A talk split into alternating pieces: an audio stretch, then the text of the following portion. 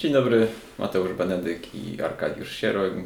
Witamy w pierwszym odcinku podcastu Instytutu Misesa, Ludzkie Gadanie, podcast o ekonomii i wolności. I chcemy dzisiaj porozmawiać e, o tym, jak koronawirus zainfekuje gospodarkę. Arku, jak miałbyś powiedzieć najkrócej na to pytanie, spróbować odpowiedzieć, to co Ci na myśl przychodzi? Witam wszystkich. No, na pewno zainfekuje. Podstawowe pytanie tutaj, jak, jak długo e, będzie przebiegała choroba i jak osy będzie miała przebieg. Jest to złożona kwestia, bo tutaj, tak jak pisałem, to ma wpływ zarówno na stronę popytową, przede wszystkim to widać tutaj w branży turystycznej, transportowej, rozrywkowej, ale także i tutaj ma wpływ na stronę podażową gospodarki, chociażby z tego względu, że kapitał ludzki jest niewykorzystywany w pełni, ponieważ ludzie nie chodzą do pracy. Okej, okay, czyli jakby możemy sobie w tym naszym myśleniu o, o gospodarce jakby dwa kanały, tak jak przy polityce pieniężnej oddziaływania wyobrazić. Tak? Mamy ten, ten kanał popytowy, czyli to, że zmieniają się zachowania ludzi co do ich e, wyborów konsumenckich, do tego ile kupują, kiedy, jakie e, dobra.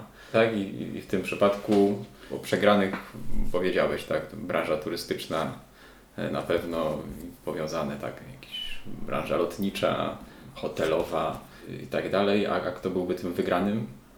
To jest dobre pytanie. No, pewnie producenci sprzętu medycznego, maseczek, mydła, tego typu branże. Może także producenci i żywności, na przykład makaronu. Y, widziałem, że w ostatnich dniach, chyba po ogłoszeniu zamknięciu szkół w Polsce, wzrosły notowania i kurs producenta makaronów w Polsce na GPW. Y, więc tego typu branże mogą odnieść tutaj pewne benefity z tej sytuacji. Może także branże dostarczające y, żywność do domu i chciałem zrobić zakupy korzystając z usługi Tesco, to terminy są na koniec marca. Więc y, Uber Eats, może pyszne.pl, tego typu usługi mogą się rozwijać.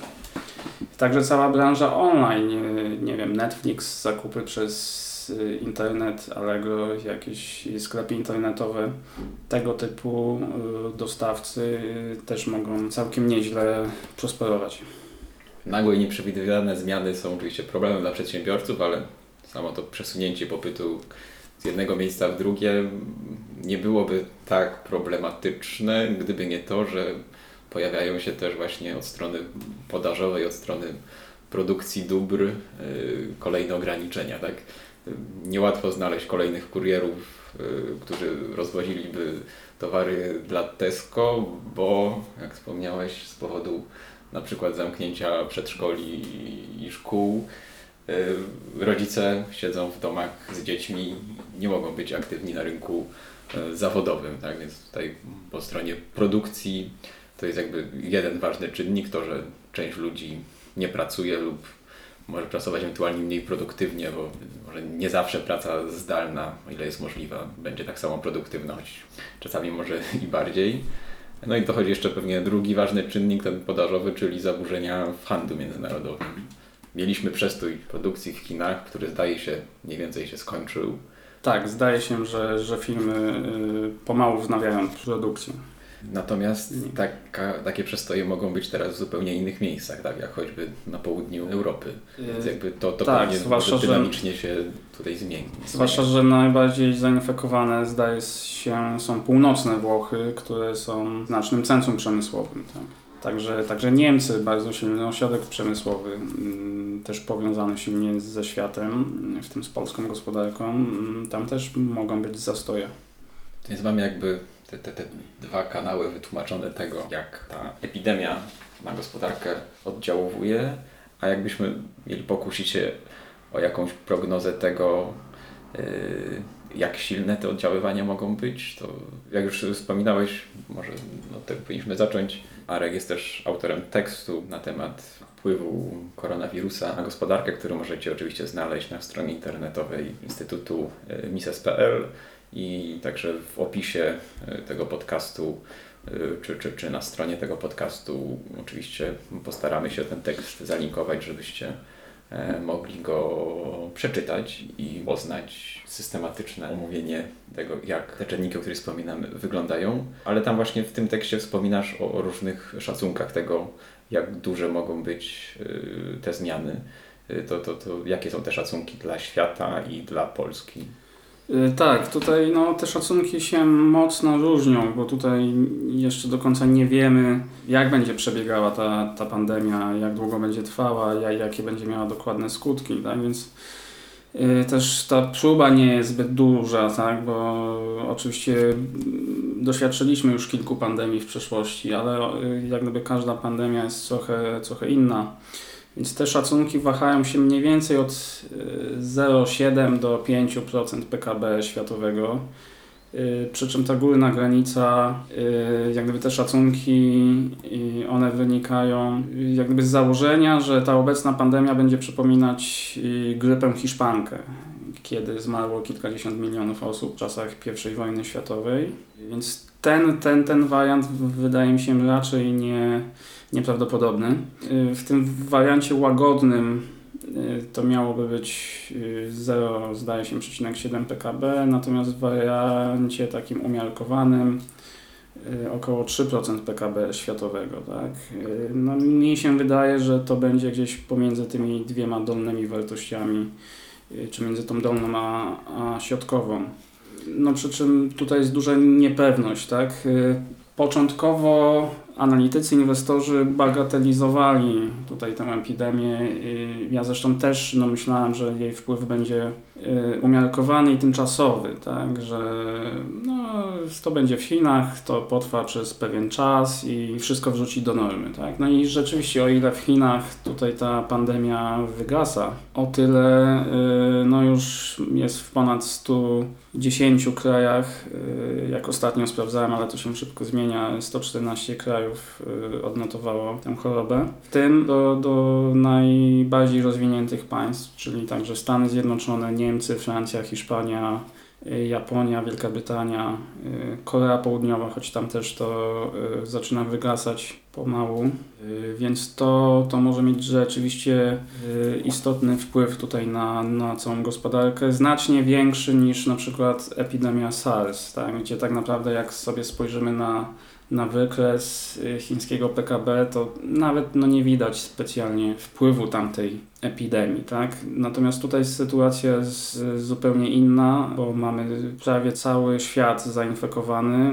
no i też Chiny Chiny są znacznie większą gospodarką, znacznie bardziej też powiązaną ze światem, no i stały się takim ośrodkiem przemysłowym. Są szacunki, że Chiny odpowiadają za ponad 20% światowej produkcji przemysłowej.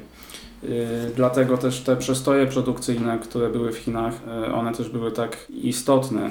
Każde auto składa się z kilkudziesięciu tysięcy elementów i kilkadziesiąt procent z nich y, często jest produkowana w Chinach i nawet brak jednego takiego elementu może zahamować całą, całą produkcję. Dlatego właśnie to nie jest tylko szok popytowy, ale także właśnie szok podażowy, tak? I tutaj się szacuje, że właśnie produkcja samochodowa też y, prawdopodobnie ucierpi w pierwszym kwartale, ale także produkcja elektroniki, smartfonów, bo warto pamiętać na początku, jak się rozprzestrzeniała ta pandemia, to później z Chin powędrowała do Korei Południowej, do Japonii. I to też są kraje, gdzie, gdzie produkuje się dużo półprzewodników, różnych części do smartfonów mm, i tak dalej. Więc tutaj pierwszy kwartał y, to spadek PKB będzie na, naprawdę solidny. Pytanie tutaj, jak to będzie się kształtowało w drugim kwartale. W niektórych gospodarkach y, do tego czasu epidemia powinna być już za nami, ale w niektórych krajach y, ona będzie dopi- właśnie będzie rozkwitać i będzie w pełni. Czy przy tej analizie możemy coś więcej powiedzieć o przypadku polskim, czy jakoś nasza gospodarka się wyróżnia na tyle, żeby ta ogólna analiza mogła zostać bardziej skontekstualizowana co do tego, co się będzie nad Wisłą działo? Yy, tak, no tutaj Polska ma, ma chyba szczęście, bo i ten wpływ, wpływ powinien być mniejszy yy, na gospodarkę, tak mi się wydaje tutaj z kilku czynników. To wynika no, chociażby z tego, że polska gospodarka jest mniej powiązana na przykład z chińską, jest mniej zależna od eksportu, przynajmniej w porównaniu do gospodarki niemieckiej. Yy, Z kolei w porównaniu do gospodarek południowej Europy, yy, w porównaniu do Włoch, gdzie kilkanaście procent PKB to jest sektor turystyczny, no w Polsce ten sektor to jest, jest du- dużo mniejszy, więc tutaj to też powinno korzystnie działać dla Polski. Także ważnym czynnikiem jest to, że w Polsce, o ile inne kraje, takie jak Niemcy, przed wybuchem pandemii były w stagnacji. Japonia i Włochy były, odnotowały już ostatni kwartał ubiegłego roku, yy, odnotowały ujemny wzrost wtedy, więc już balansowały na granicy recesji, więc ten, ten bufor był bardzo niewielki. No, w przypadku gospodarki polskiej jednak ten wzrost gospodarczy jest znacznie wyższy, yy, więc też jest pewien taki bufor tutaj przed popadnięciem yy, ewentualnie w recesję. Dodatkowo yy, tego już nie uwzględniłem w tekście, ale ostatni spadek cen ropy naftowej mm, może pomóc w sumie polskiej gospodarce, która importuje ropę naftową, więc to też może korzystnie wpłynąć. No i wreszcie taki czynnik, że mm, jak gdyby odpowiedź władz polskich nie jest jeszcze tak radykalna jak władz chińskich czy włoskich. Nie zamknięto całych regionów czy miast, więc jak gdyby wpływ na gospodarkę będzie mniejszy. Oczywiście tutaj zamknięcie szkół będzie negatywnie oddziaływało, bo część rodziców y, zostanie w domu i będzie opiekować się dziećmi, więc nie będą wytwarzać PKB. Więc... Tak, chociaż szkoły, pomimo że będą zamknięte, to PKB będą wytwarzać, bo będą wydatki ponoszone na szkoły, tak? Nauczyciele i tak dostaną pieniądze, więc w statystykach PKB jak najbardziej y, edukacji będzie tyle samo, niezależnie od tego, czy lekcje się odbędą, No tak. czy nie. Tak, tak, to, to prawda. Okej, to, to raczej tutaj możemy uważać, bo jakby się z tym bym zgodził, że, że Polska może być łagodnie potraktowana przez, te, przez Tak, tego no wirusa. Zwłaszcza też, że, że polska gospodarka jest dosyć zdywersyfikowana, więc to na przykład nie jest tak jak na Słowacji, gdzie bardzo takim dużym sektorem jest sektor samochodowy i on, on odpowiada za mm, dużą część PKB. Tak? Polska gospodarka jest nieźle zdywersyfikowana, co zawsze pomaga w przypadku jakichkolwiek, powiedzmy to czarnych łabędzi, choć niektórzy mówią, że to niekoniecznie jest czarne yy, ta, takie zdarzenie, no bo można je było, jak, bo od czasu do czasu pandemie się zdarzają.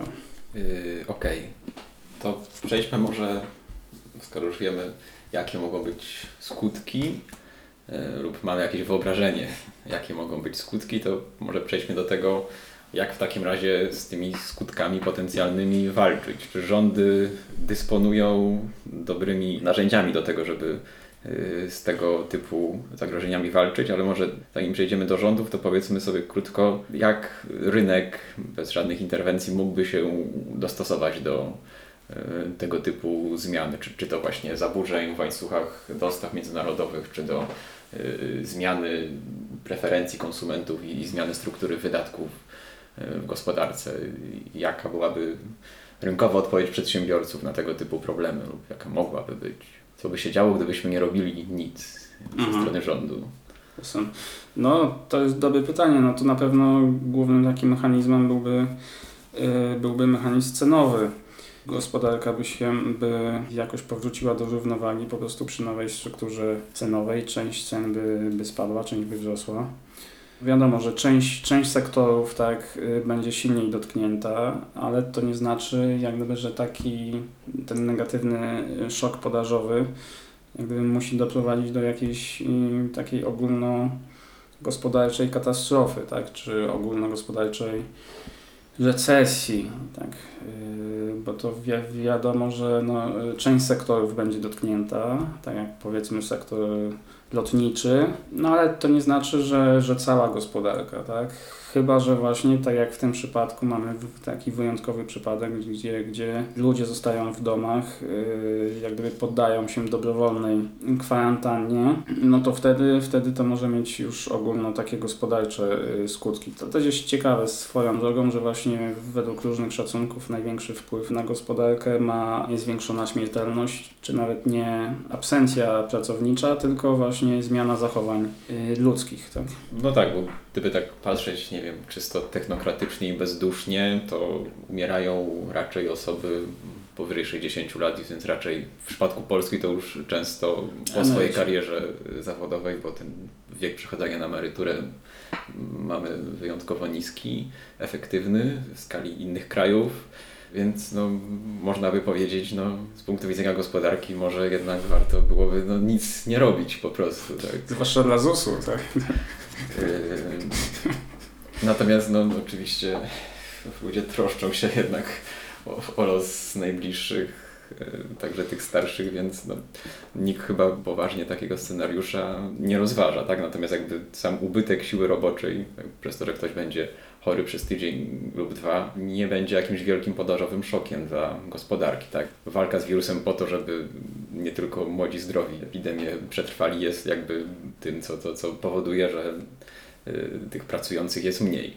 Y, Natomiast jeśli sobie tak wyobrazimy, że jednak kiedyś ta pandemia zniknie, tak jak to udało się w Chinach czy, czy na Tajwanie i ludzie wrócą do pracy, no to tak będziemy mieli jakąś realokację, tak, że ci, którzy stracą pracę w hotelach czy, czy, czy liniach lotniczych, które tak, mogą na przykład, nie wiem, bankrutować, zanim oczywiście pojawi się nowy właściciel, zanim loty zostaną przewrócone, trochę czasu pewnie minie, ale w międzyczasie mogliby pewnie znaleźć y, zajęcie w innych branżach. Tak, no, w Polsce przed wybuchem epidemii no, raczej brakowało pracowników, więc jeśli tylko pozwolono by na to, żeby te procesy dobrowolnie się działy, żeby zwalniano, zatrudniano tak jak się chce, no to y, nie wiem, przy produkcji y, mydła, środków dezynfekujących czy przy dostawie posiłków mogły pracować po prostu więcej osób i to, to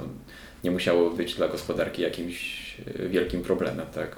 Przesunięcie się po prostu zasobów z miejsca A do miejsca B. No i tak samo kapitał przesunąłby się z tych mniej rentownych linii produkcji, jak właśnie turystyka, w stronę tych bardziej rentownych, y, jak właśnie produkcja produktów medycznych potrzebnych do, do samej walki z wirusem, czy do całej tej otoczki, powiedzmy, higienicznej. Pewnie jest możliwe, że zanim ludzie powrócą w pełni do tych swoich przyzwyczajeń, zaczną wyjeżdżać na wakacje i tak dalej, to może minąć dużo dłużej niż to, że pandemia zostanie ogłoszona, że się skończyła. Więc to, to, ta struktura produkcji na pewno tak od razu by, by, nie wróciła do, do poprzednich. Tak, tak, to, to na pewno będzie, Dróg. będzie nowa struktura y, produkcji i też właśnie z tego powodu, że ta niepewność może się utrzymywać dłużej na, na rynku. Niektórzy mówią, że jak gdyby ożywienie, tak, no bo jak się skończy pandemia, ludzie wrócą do, do, do pracy, powinniśmy notować, gospodarka powinna stanąć na nogi i się ożywić. Jednak właśnie niektórzy mówią, że niekoniecznie to ożywienie przybierze kształt litery V, tylko może bardziej U albo nawet litery L w, nie, w niektórych przypadkach, właśnie w przypadku sektorów usługowych, tak? bo ludzie mogą się wstrzymywać y, na przykład w tym roku w ogóle nie pojechać na wakacje za granicę. Tak? A to jakbyś mógł jeszcze nad- tylko wytłumaczyć szybko, co się kryje za tymi literami. Y, No w sensie jak, jak szybko, y, bo niektórzy mówią, że recesja techniczna, czy, czy przynajmniej w pierwszym kwartale, jak gdyby to jest pewne, tylko y, podstawowe pytanie jest jak, jak szybko nastąpi ożywienie i, i właśnie jak, jak, jakie będzie ono intensywne, tak? Y, Ożywienie o kształcie litery V, no to mówi, że jak gdyby osiągamy osiągamy dołek, po czym następuje no, szybkie, gwałtowne ożywienie, powrót do, sytuacji sprzed, y, sprzed szoku, tak? Natomiast litera U, no to jak gdyby to dno jest troszeczkę bardziej takie y, dłu- dłużej czasu, jak gdyby jesteśmy na dnie i to wy- wychodzenie z tego dna też zajmuje troszeczkę dłużej czasu, tak? W przypadku tej litery L, no to jest to najgorsza sytuacja, gdzie, gdzie bardzo długo jak gdyby aktywność gospodarcza jest na tym niższym, takim zredukowanym poziomie, tak? Więc tutaj na pewno ożywienie będzie, tak? No, każdy szok z definicji jest krótkotrwały i pytanie jest właśnie jak szybko nastąpi ożywienie. No jeśli miałbym zgadywać, to pewnie w Stanach Zjednoczonych ożywienie może pojawić się szybciej z tej prostej przyczyny, że jest to jednak bardzo elastyczna gospodarka w porównaniu do innych gospodarek. Łatwiej jest y, kogoś zwolnić, zatrudnić w nowym miejscu. Cały proces bankructwa i realokacji zasobów też jest taki bardziej elastyczny, mm, ale przede wszystkim rynek pracy, bo tutaj oczywiście pojawi się nowa struktura produkcji, nowa równowaga, ale no bardzo ważna jest tutaj elastyczność, by te zasoby czy to pracownicy, czy aktywa rzeczowe, no jak najszybciej, jak najsprawniej przechodziły po prostu do nowych zastosowań i do nowych branż. Tak, bo w zasadzie można by powiedzieć, że Włochy to w zasadzie no, nie wyszły z kryzysu roku 2009.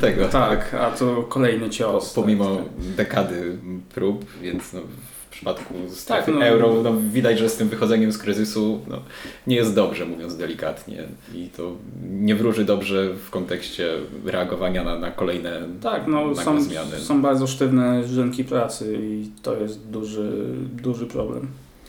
I te sztywne rynki pracy chce się zasypać pieniędzmi. Tak? System rezerwy federalnej w Stanach Zjednoczonych już tam obniżył stopy procentowe, ogłosił Tak, wsparcie ogłosił. płynności Mhm. i zdaje się, że Europejski Bank Centralny też ma zwiększyć płynność, chociaż chyba stóp Tak. procentowych nie zmienili. To znaczy zmi- zmienili e, o tyle, że te kredyty, pożyczki dla przedsiębiorstw będą mm, na niższym oprocentowaniu. Jak gdyby stóp nie zmienili, tylko warunki udzielenia tych kredytów, czy właściwie zmienili chyba dla tych już udzielonych, że one będą tych- jakoś oprocentowane. Te ELTRO, tak? Czyli Tak, dokładnie. Czyli dla Chodzi tych- Tak, Jeśli banki mają w swoich portfelach pożyczki dla przedsiębiorstw, to mogą z tego tytułu pożyczać odpowiednio nisko środki na Tak. długi czas od Europejskiego Banku Centralnego.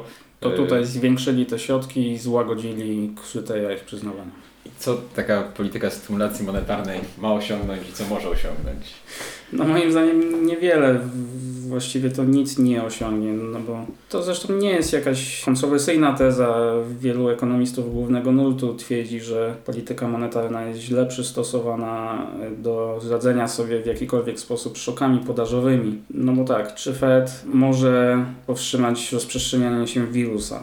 Nie. Czy może naprawić przerwane łańcuchy dostaw? Też nie. Czy może zmusić pracowników, by wrócili do fabryk, do biur, do firm? No też nie, więc nie bardzo wiem w jaki sposób ta niższa stopa procentowa ma wpłynąć także na, na decyzje konsumentów czy przedsiębiorstw w momencie, w którym wszyscy są spanikowani i myślą tylko o tym, jak się mnie zarazić. Nikt nie, nie myśli w tej sytuacji o tym, by a może wezmę nowy kredyt hipoteczny albo może zwiększę inwestycje, więc ta niższa stopa procentowa tutaj pomoże, tak? Y, Jest podwyższona niepewność na rynku, więc jest obniżony y, popyt konsumpcyjny, y, więc firmy nie będą teraz inwestowały, więc ta obniżka moim zdaniem nie pomoże, zwłaszcza umówmy się, stopy procentowe już były na niskim poziomie, więc to, czy te stopy pro- procentowe są o 50 punktów bazowych wyższych czy niższych, moim zdaniem nie będzie miało żadnego znaczenia w sytuacji, kiedy y, po prostu nie ma pracowników w miejscu pracy. Stymulacja monetarna może jakby w teorii zwiększyć sumę zagregowanych wydatków, kiedy te są niewystarczające, ale no, to, to nie jest problemem w tym konkretnym przypadku. Tak? Nie, nie mamy.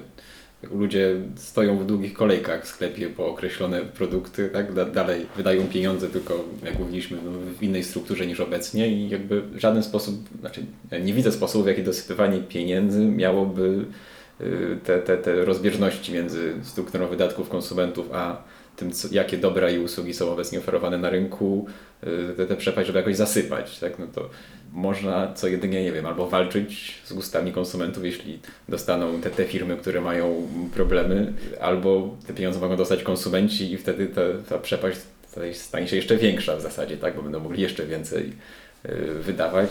W żadnej z opcji tutaj nie widzę, jak to miałoby pomóc. Tak?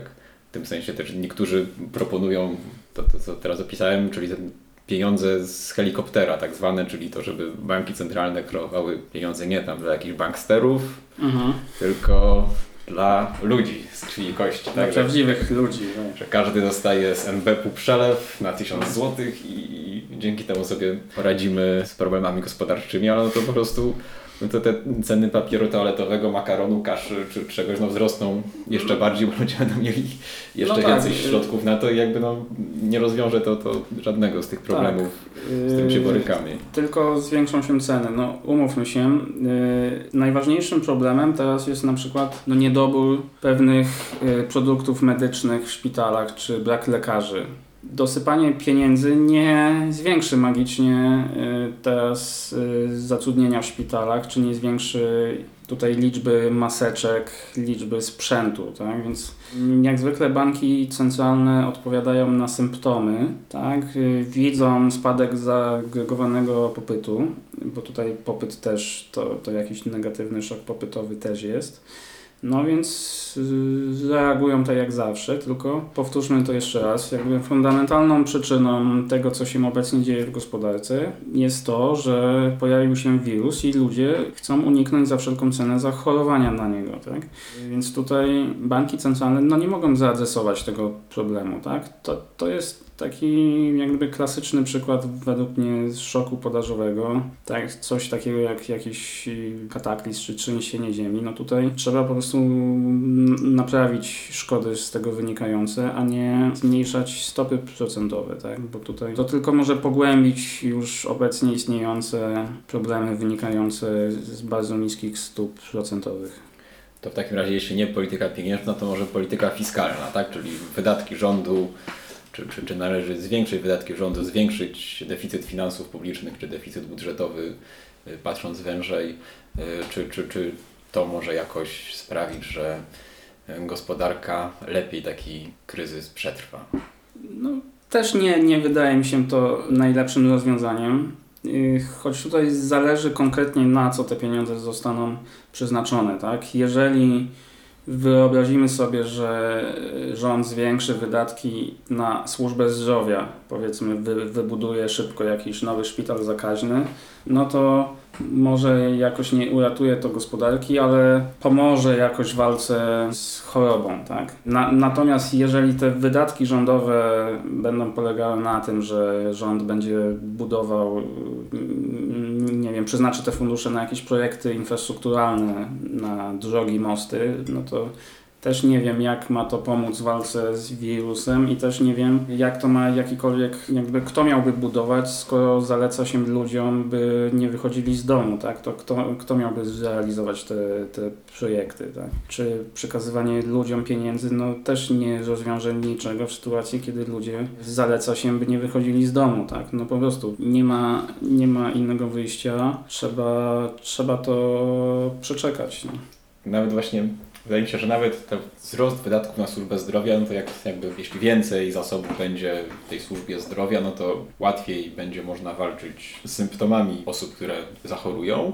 Natomiast to dalej chyba nie ma takich wydatków, które by sprawiły, że ludzie przestaną się nagle zarażać, tak? I że to ryzyko zarażenia będzie jakoś wydatnie mniejsze, a to, to tak rozwiązałoby No tak, problem, tak? Nie ma infrastruktury takiej chyba wyobrażalnej, która by spowodowała, że ryzyko epidemiologiczne jakoś drastycznie spadnie, tak? Nie ma jakiegoś magicznego rozwiązania. Właśnie niestety to nie ma siedzenie w domu jest jedynym sprawdzonym e, Tak, sposobem. no właśnie pamiętajmy, że jak gdyby większość ekonomicznych kosztów związanych z pandemią wynika z tego, że po prostu ludzie zmieniają swoje zachowania, czyli nie idą do pracy, nie idą do, do kina, nie wyjeżdżają na wczesne czasy, tylko siedzą w domu, tak? Więc tutaj żadna polityka, ani monetarna, ani fiskalna specjalnie nie pomoże, tak? Wydatki jak gdyby na służbę zdrowia mogą pomóc, ale one też będą tak naprawdę spóźnione. Umówmy się, ta epidemia potrwa jeszcze kilka tygodni, za- zanim w ogóle te wydatki ruszą tak naprawdę. To ona może pomóc, może przygotować nasz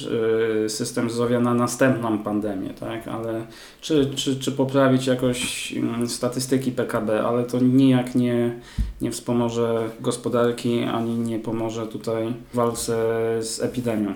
A co w takim razie jakby też z dziedziny polityki fiskalnej, ale w odwrotną stronę, czyli to, co proponuje Donald Trump, obniżki podatków z okazji kryzysu. Czy to jakoś może pomóc? Y, No to jest bardziej złożona y, kwestia, bo to zależy jaki jest cel obniżenia podatków. Y, To znaczy można powiedzieć, że zawsze obniżka podatków jest z punktu widzenia obywateli dobrym rozwiązaniem i słusznym, tak?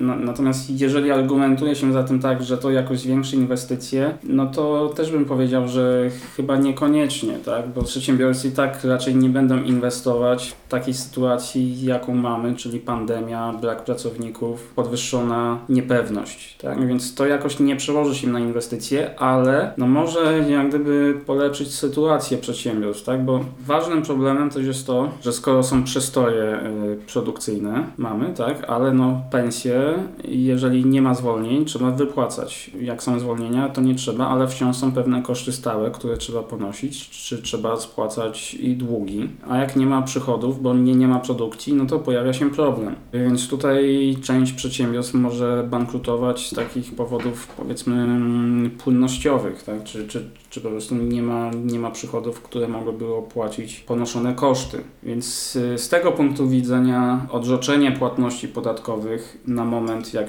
pandemia się skończy, albo ich obniżenie, mogłoby pomóc tutaj przedsiębiorcom. Myślę też, że chyba w przypadku Ameryki. Trump chyba, czy Stanów Zjednoczonych dokładniej, Trump zaproponował obniżkę payroll tax, czyli to zdaje się coś w rodzaju składek na ubezpieczenia społeczne, czy po prostu podatek płacą na jakieś tam sumy wynagrodzeń.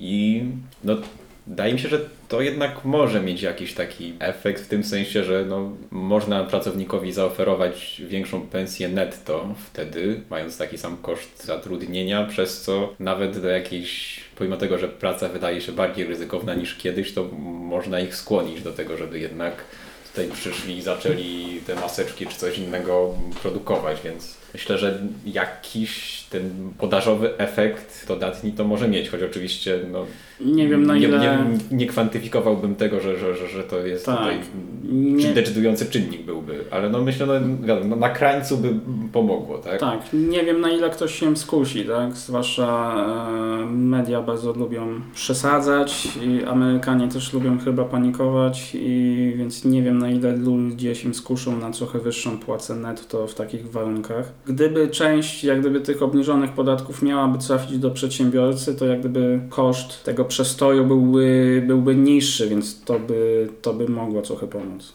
To jeszcze kilka takich pomysłów ze sfery regulacyjnej gdzieś w dyskusjach znalazłem. Pierwszy, który wprowadzono w Polsce już to możliwe kontrole cen, czyli tak, ustawa przeprowadzona niedawno w Sejmie pozwala na ustalenie cen maksymalnych e, różnego rodzaju sprzętu medycznego, który może być stosowany właśnie do walki z epidemią koronawirusa. Czy to w takim razie jest dobrze nakierowana polityka?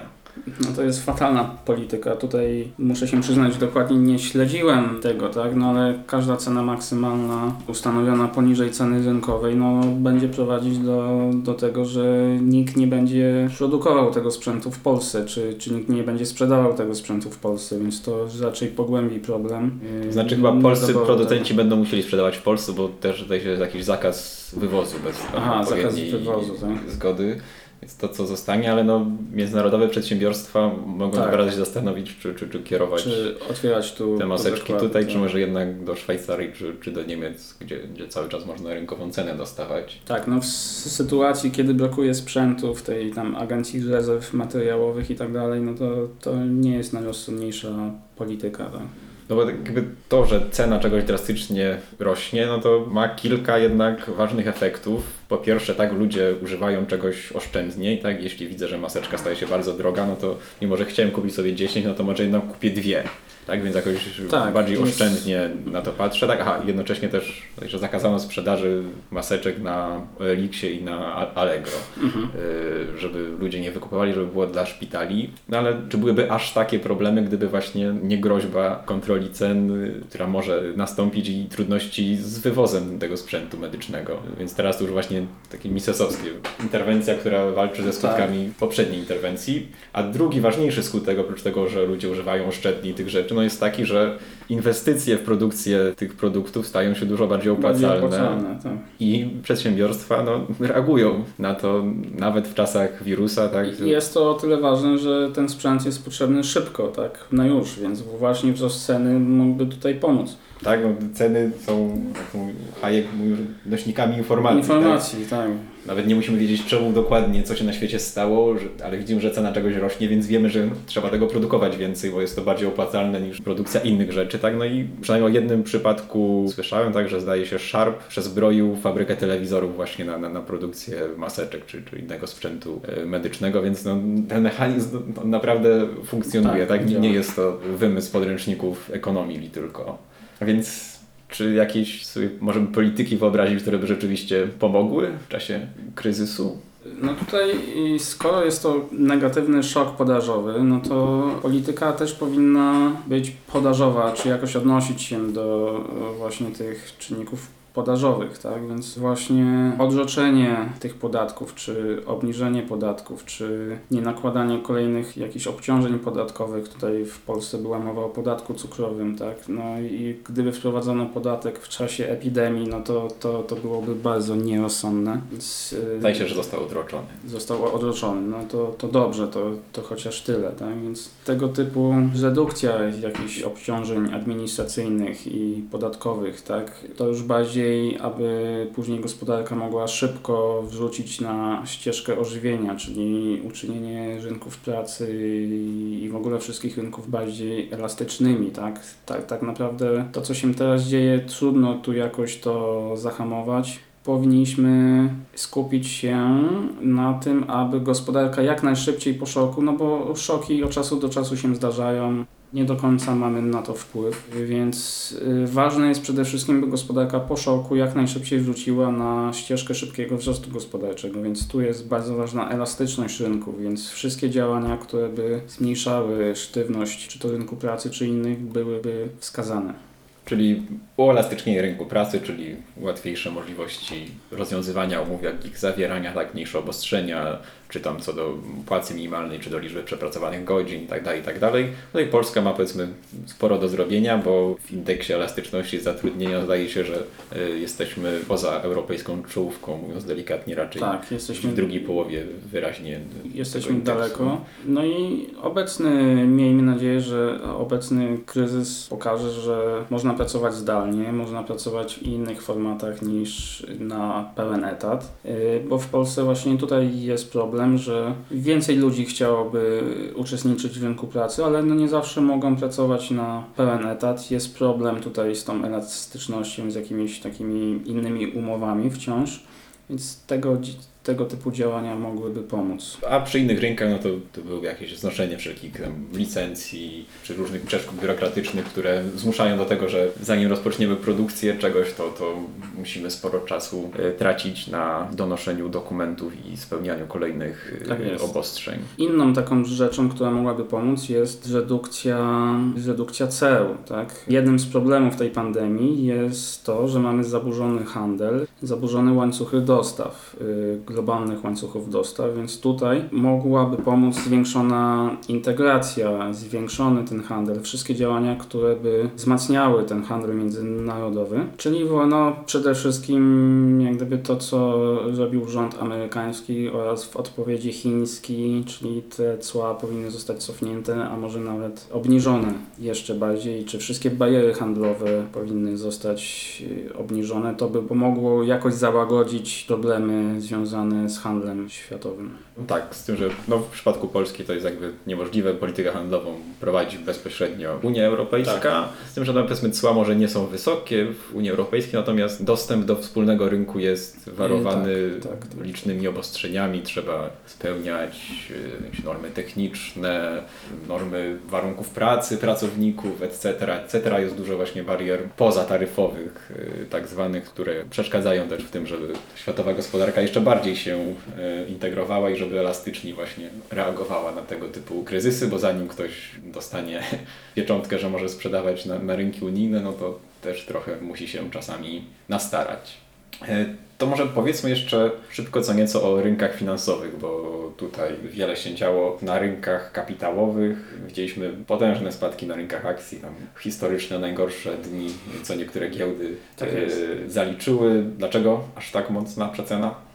To jest dobre pytanie, tak? Zwłaszcza, że bardzo długo inwestorzy jak gdyby nie zreagowali tak żywo. Kłopoty się zaczęły wtedy, kiedy Apple ogłosiło, że nie dowiezie prognozowanych zysków na pierwszy kwartał właśnie z powodu przerwanych łańcuchów dostaw. Później takim kolejnym punktem zwrotnym był nagły wzrost zachorowań w południowej Korei, Japonii i we Włoszech, bo wtedy stało się jasne, że to nie jest wyłącznie problem chiński, ani nawet azjatycki, ale także europejski i ogólnoświatowy. Stąd y, silna przecena na rynkach akcji. I dlaczego aż, bo to ponad 20%, około 20% spadło, co klasyfikuje to już jako rynek niedźwiedzia, że rynki akcji weszły. Myślę, że jeden czynnik był, był taki, że mm, jak gdyby ceny akcji były już historycznie wysokie.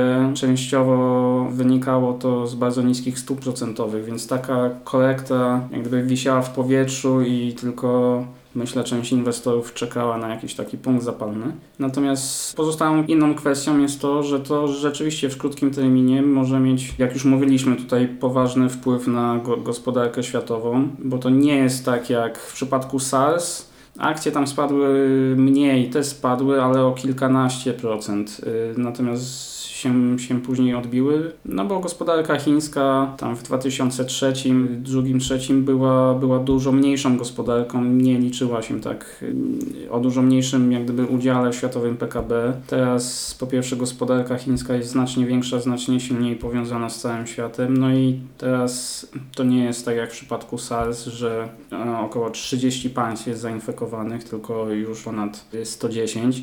Więc jest to rzeczywiście i w tym Stany Zjednoczone, bo bardzo często rynki, to jest bardzo ważne, rynki kapitałowe, umówmy się, reagują głównie na to, co się dzieje na to, co dotyka państw rozwiniętych, y, tych centrów finansowych, tak jak był wirus Ebola, który dotknął Afrykę, nie, niekoniecznie dużo się tam działo. Jakiś chwilowy spadek, y, ale później bardzo szybko y, powróciło tutaj do normy. Natomiast tutaj no, zarówno rynki europejskie, chińskie, Japonia, ale także amerykański rynek zostanie dotknięty i myślę, że dlatego te przeceny były tak silne. A doszło na przykład do tego, że sesje giełd były zawieszane. Przy takich okazji też zawsze słychać jakieś narzekania na tych, którzy grają e, na sprzedaż, czyli zarabiają na spadkach. Czy tego typu praktyki, właśnie zamykanie sesji, czy ewentualne ograniczenie w otwieraniu tych krótkich pozycji, tych, gdzie zarabia się na spadkach, jakoś może powstrzymać to, to, to, to, tę panikę giełdową?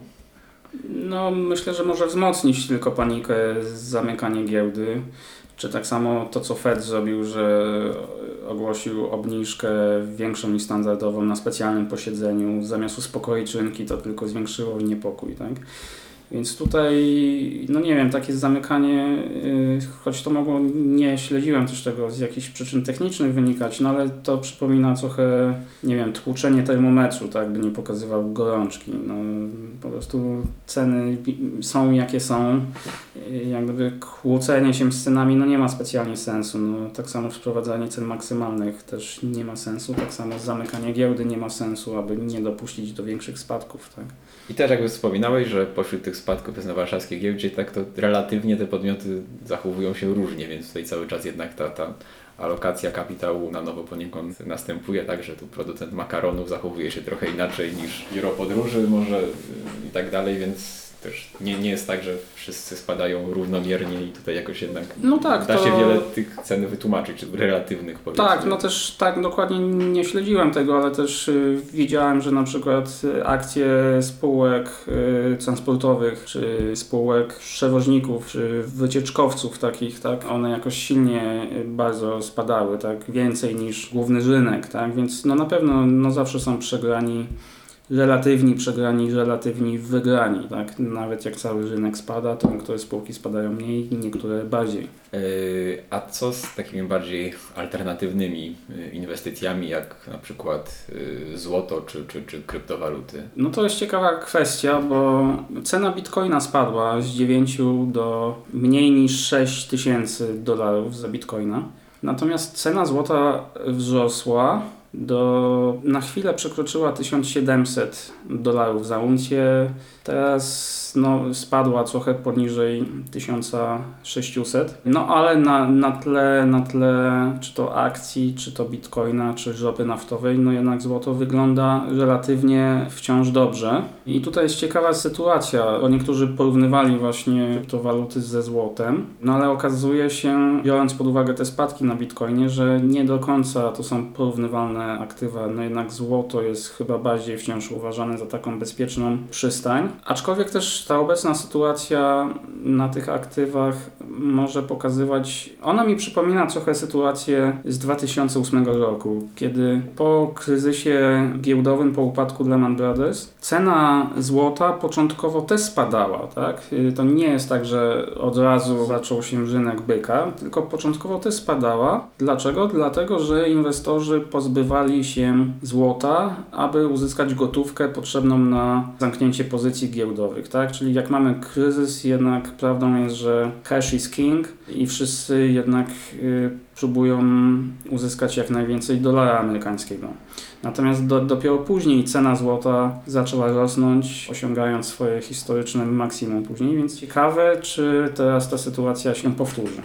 To jeszcze jeden wątek na koniec. Już zbliżamy się do godziny y, rozmowy, ale myślę, że może jeszcze nasi słuchacze jeden wątek wytrzymają. Mianowicie, czy powinniśmy patrzeć z pesymizmem na tę epidemię jako na czynnik, który sprawi, że państwa zyskają większą władzę nad naszym życiem, między innymi nad gospodarką i to będzie trwała zmiana, czy też jakieś jednak ziarenka optymizmu ludzie, którzy miłują sobie wolność, mogą w tej całej sytuacji odnaleźć? Tak, no jak zwykle i tak i nie, albo to zależy jak spojrzymy, tak? Bo można mieć pewne obawy, można mieć obawy, bo rządy sobie przyznały czy to specjalne uprawnienia na czas pandemii, yy, więc mogą nie być takie chętne, by się pozbywać tych specjalnych uprawnień, tak? Czy mogą traktować ten, umówmy się, jednak przejściowy kryzys do trwałego zwiększenia deficytu, czy zwiększenia po prostu poziomu wydatków publicznych, czy do obniżenia stóp procentowych, do zwiększenia podaży pieniądza. Więc to jest niepokojące. Niepokojące też może być to, że rządy mogą zwiększyć protekcjonizm gospodarczy, czy że ten, ta epidemia będzie pretekstem do zahamowania kontaktów z zagranicą, na przykład do nieprzyjmowania imigrantów jako potencjalnego zagrożenia kolejną pandemią, do zmniejszenia wymiany handlowej, aby, o czym mówił pan premier Morawiecki, aby jednak nie być uzależnionym od firm zagranicznych, tylko by w Polsce była produkcja kluczowych produktów, więc tego typu to może jak gdyby wzmocnić głosy nacjonalistów i protekcjonistów. Natomiast też można, można spojrzeć bardziej optymistycznie. Na pewno bardziej optymistyczna jest reakcja w ogóle Chin na tę pandemię, bo y, jeśli dobrze pamiętam, jak była epidemia SARS, to w ogóle rząd chiński się nie przyznawał tam przez kilka tygodni, jeśli nie miesięcy, że jest epidemia. Tutaj początkowo też jak gdyby chciano to zataić, ale szybko rząd jednak stwierdził, że Tak chyba mniej niż miesiąc tym razem. tak, mniej niż miesiąc, postęp, y, tak. więc jest postęp ku większej transparentności, ale też pokazuje to, że nawet mm, rząd powiedzmy autorytarny, taki jak chiński, bardziej ceni sobie jednak przez ludzkie życie i podejmuje działania często drastyczne z punktu widzenia gospodarki, aby jednak uratować jak najwięcej ludzkich istnień i, i, i to też jest takie mm, optymistyczne, jak się zastanowimy nad tym, bo jeszcze no, podczas poprzednich pandemii, czy już nawet no nie mówię o czarnej śmierci, czy, czy o Hiszpance, nikt nie myślał wtedy specjalnie o tak szeroko zakrojonych kwarantannach, o zamknięciu właściwie całej go- gospodarki, aby ratować jak najwięcej ludzi. I też ludzie w ogóle nie mieli takiej możliwości czy możliwości, by po prostu zostać, zostać w domu, nie iść do pracy. Tak? Więc to paradoksalnie na ten kryzys można spojrzeć z takiego optymistycznego punktu widzenia. No i ja też osobiście jakoś mam nadzieję, że ten kryzys unaoczni ludziom kilka rzeczy, przede wszystkim problemy związane z państwową służbą zdrowia, bo tutaj ewidentnie ten kryzys obnażył pewne jej słabości, tak? Brakuje sprzętu, brakuje lekarzy. Właściwie wszystkie działania sprowadzają się do spłaszczenia krzywej do poziomu, który nie nadwyręża e, tego systemu zdrowia. Czyli no nie wiem, tak tutaj poruszamy się w obszarze spekulacji, jak to by wyglądało, gdyby była w pełni prywatna służba zdrowia. Natomiast no, jest coś ewidentnie nie tak w sytuacji, kiedy obecny państwowy system służby zdrowia funkcjonuje właściwie przy maksymalnej granicy swojego potencjału, gdzie już nawet y, na samym początku kilkaset osób w skali 38-milionowego kraju, jak gdyby nagły wzrost y, no, pacjentów prowadzi właściwie do paraliżu całej służby zdrowia. No coś ewidentnie jest tutaj nie tak, tak? Więc y, wydaje mi się, że potrzebna jest przynajmniej debata, czy potrzebne są jakieś eksperymenty ze służbą zdrowia. Może pozwolić jednak na szersze uczestnictwo podmiotów prywatnych. Może to by pomogło w przyszłości zapewnić większą taką elastyczność i lepsze funkcjonowanie służby zdrowia. Nie, nie wiem, co, co o tym sądzisz. Yy, No, niektórzy już wskazują, że na przykład w Korei Południowej, która jakoś sobie powiedzmy też całkiem nieźle wydaje się, że radzi sobie jak na dzisiaj z tą pandemią, tam jednak y, szpitale są w przytłaczającej większości prywatne i kontrastują to właśnie z włoską służbą zdrowia, która jest dużo bardziej upaństwowiona i ta koreańska się nie załamała, ta włoska niestety można powiedzieć, że, że, że to się stało. Y, Więc no, można takie wnioski wyciągać. Miejmy nadzieję, że ludzie jednak zaczną się trochę częściej zastanawiać, czy aby na pewno te, te sieć państwowych szpitali jest y, taka super, czy wykluczanie prywatnych podmiotów nawet z tego No właśnie. rynku, tak zwanego rynku, gdzie, gdzie jest jeden duży publiczny płatnik, y, który ustala niby ceny, czy, bo to nie ma normalnego mechanizmu cenowego, czy to jest aby na pewno najlepsze rozwiązanie na to, jak efektywnie alokować rzadkie zasoby w dziedzinie służby zdrowia. No i drugi obszar, o którym też w tekście wspominałeś, to edukacja. Tutaj jakby sami chcemy dołożyć cegiełkę do tego, żeby e, przypominać o tym, że wcale państwowa szkoła nie jest najlepszą alternatywą dla uczniów czy, czy studentów, że można kształcić dobrze i efektywnie poza tymi strukturami, więc różne inicjatywy w tym kierunku podejmujemy. Ten podcast jest y, jedną z nich, ale też na naszej stronie internetowej, dopóki uczelnie są zamknięte, codziennie znajdziecie teksty polecane przez naszych ekonomistów, które poszerzą Waszą wiedzę ekonomiczną, więc jeśli ekonomia Was interesuje, to, to, to w ogóle zachęcam do zaglądania na mises.pl, bo tam mamy bibliotekę ponad tysiąca tekstów na różnorodne tematy, ale zwłaszcza w tym czasie kwarantanny, kiedy może macie nieco więcej wolnego czasu, to e, szczególnie zachęcamy do lektury mises.pl, przede wszystkim tych tekstów, które dla Was wybieramy, a mam nadzieję, że może jeszcze jakieś kilka kolejnych inicjatyw pokazujących, że- że można dobrze edukować nawet przez internet. Jeszcze uda nam się w najbliższych dniach zrealizować. Jeszcze jakieś myśli na koniec Ci przychodzą do głowy? Czy o czymś zapomnieliśmy ważnym? Umyjcie dłonie. Przyłączam się do tego apelu i dziękujemy za uwagę.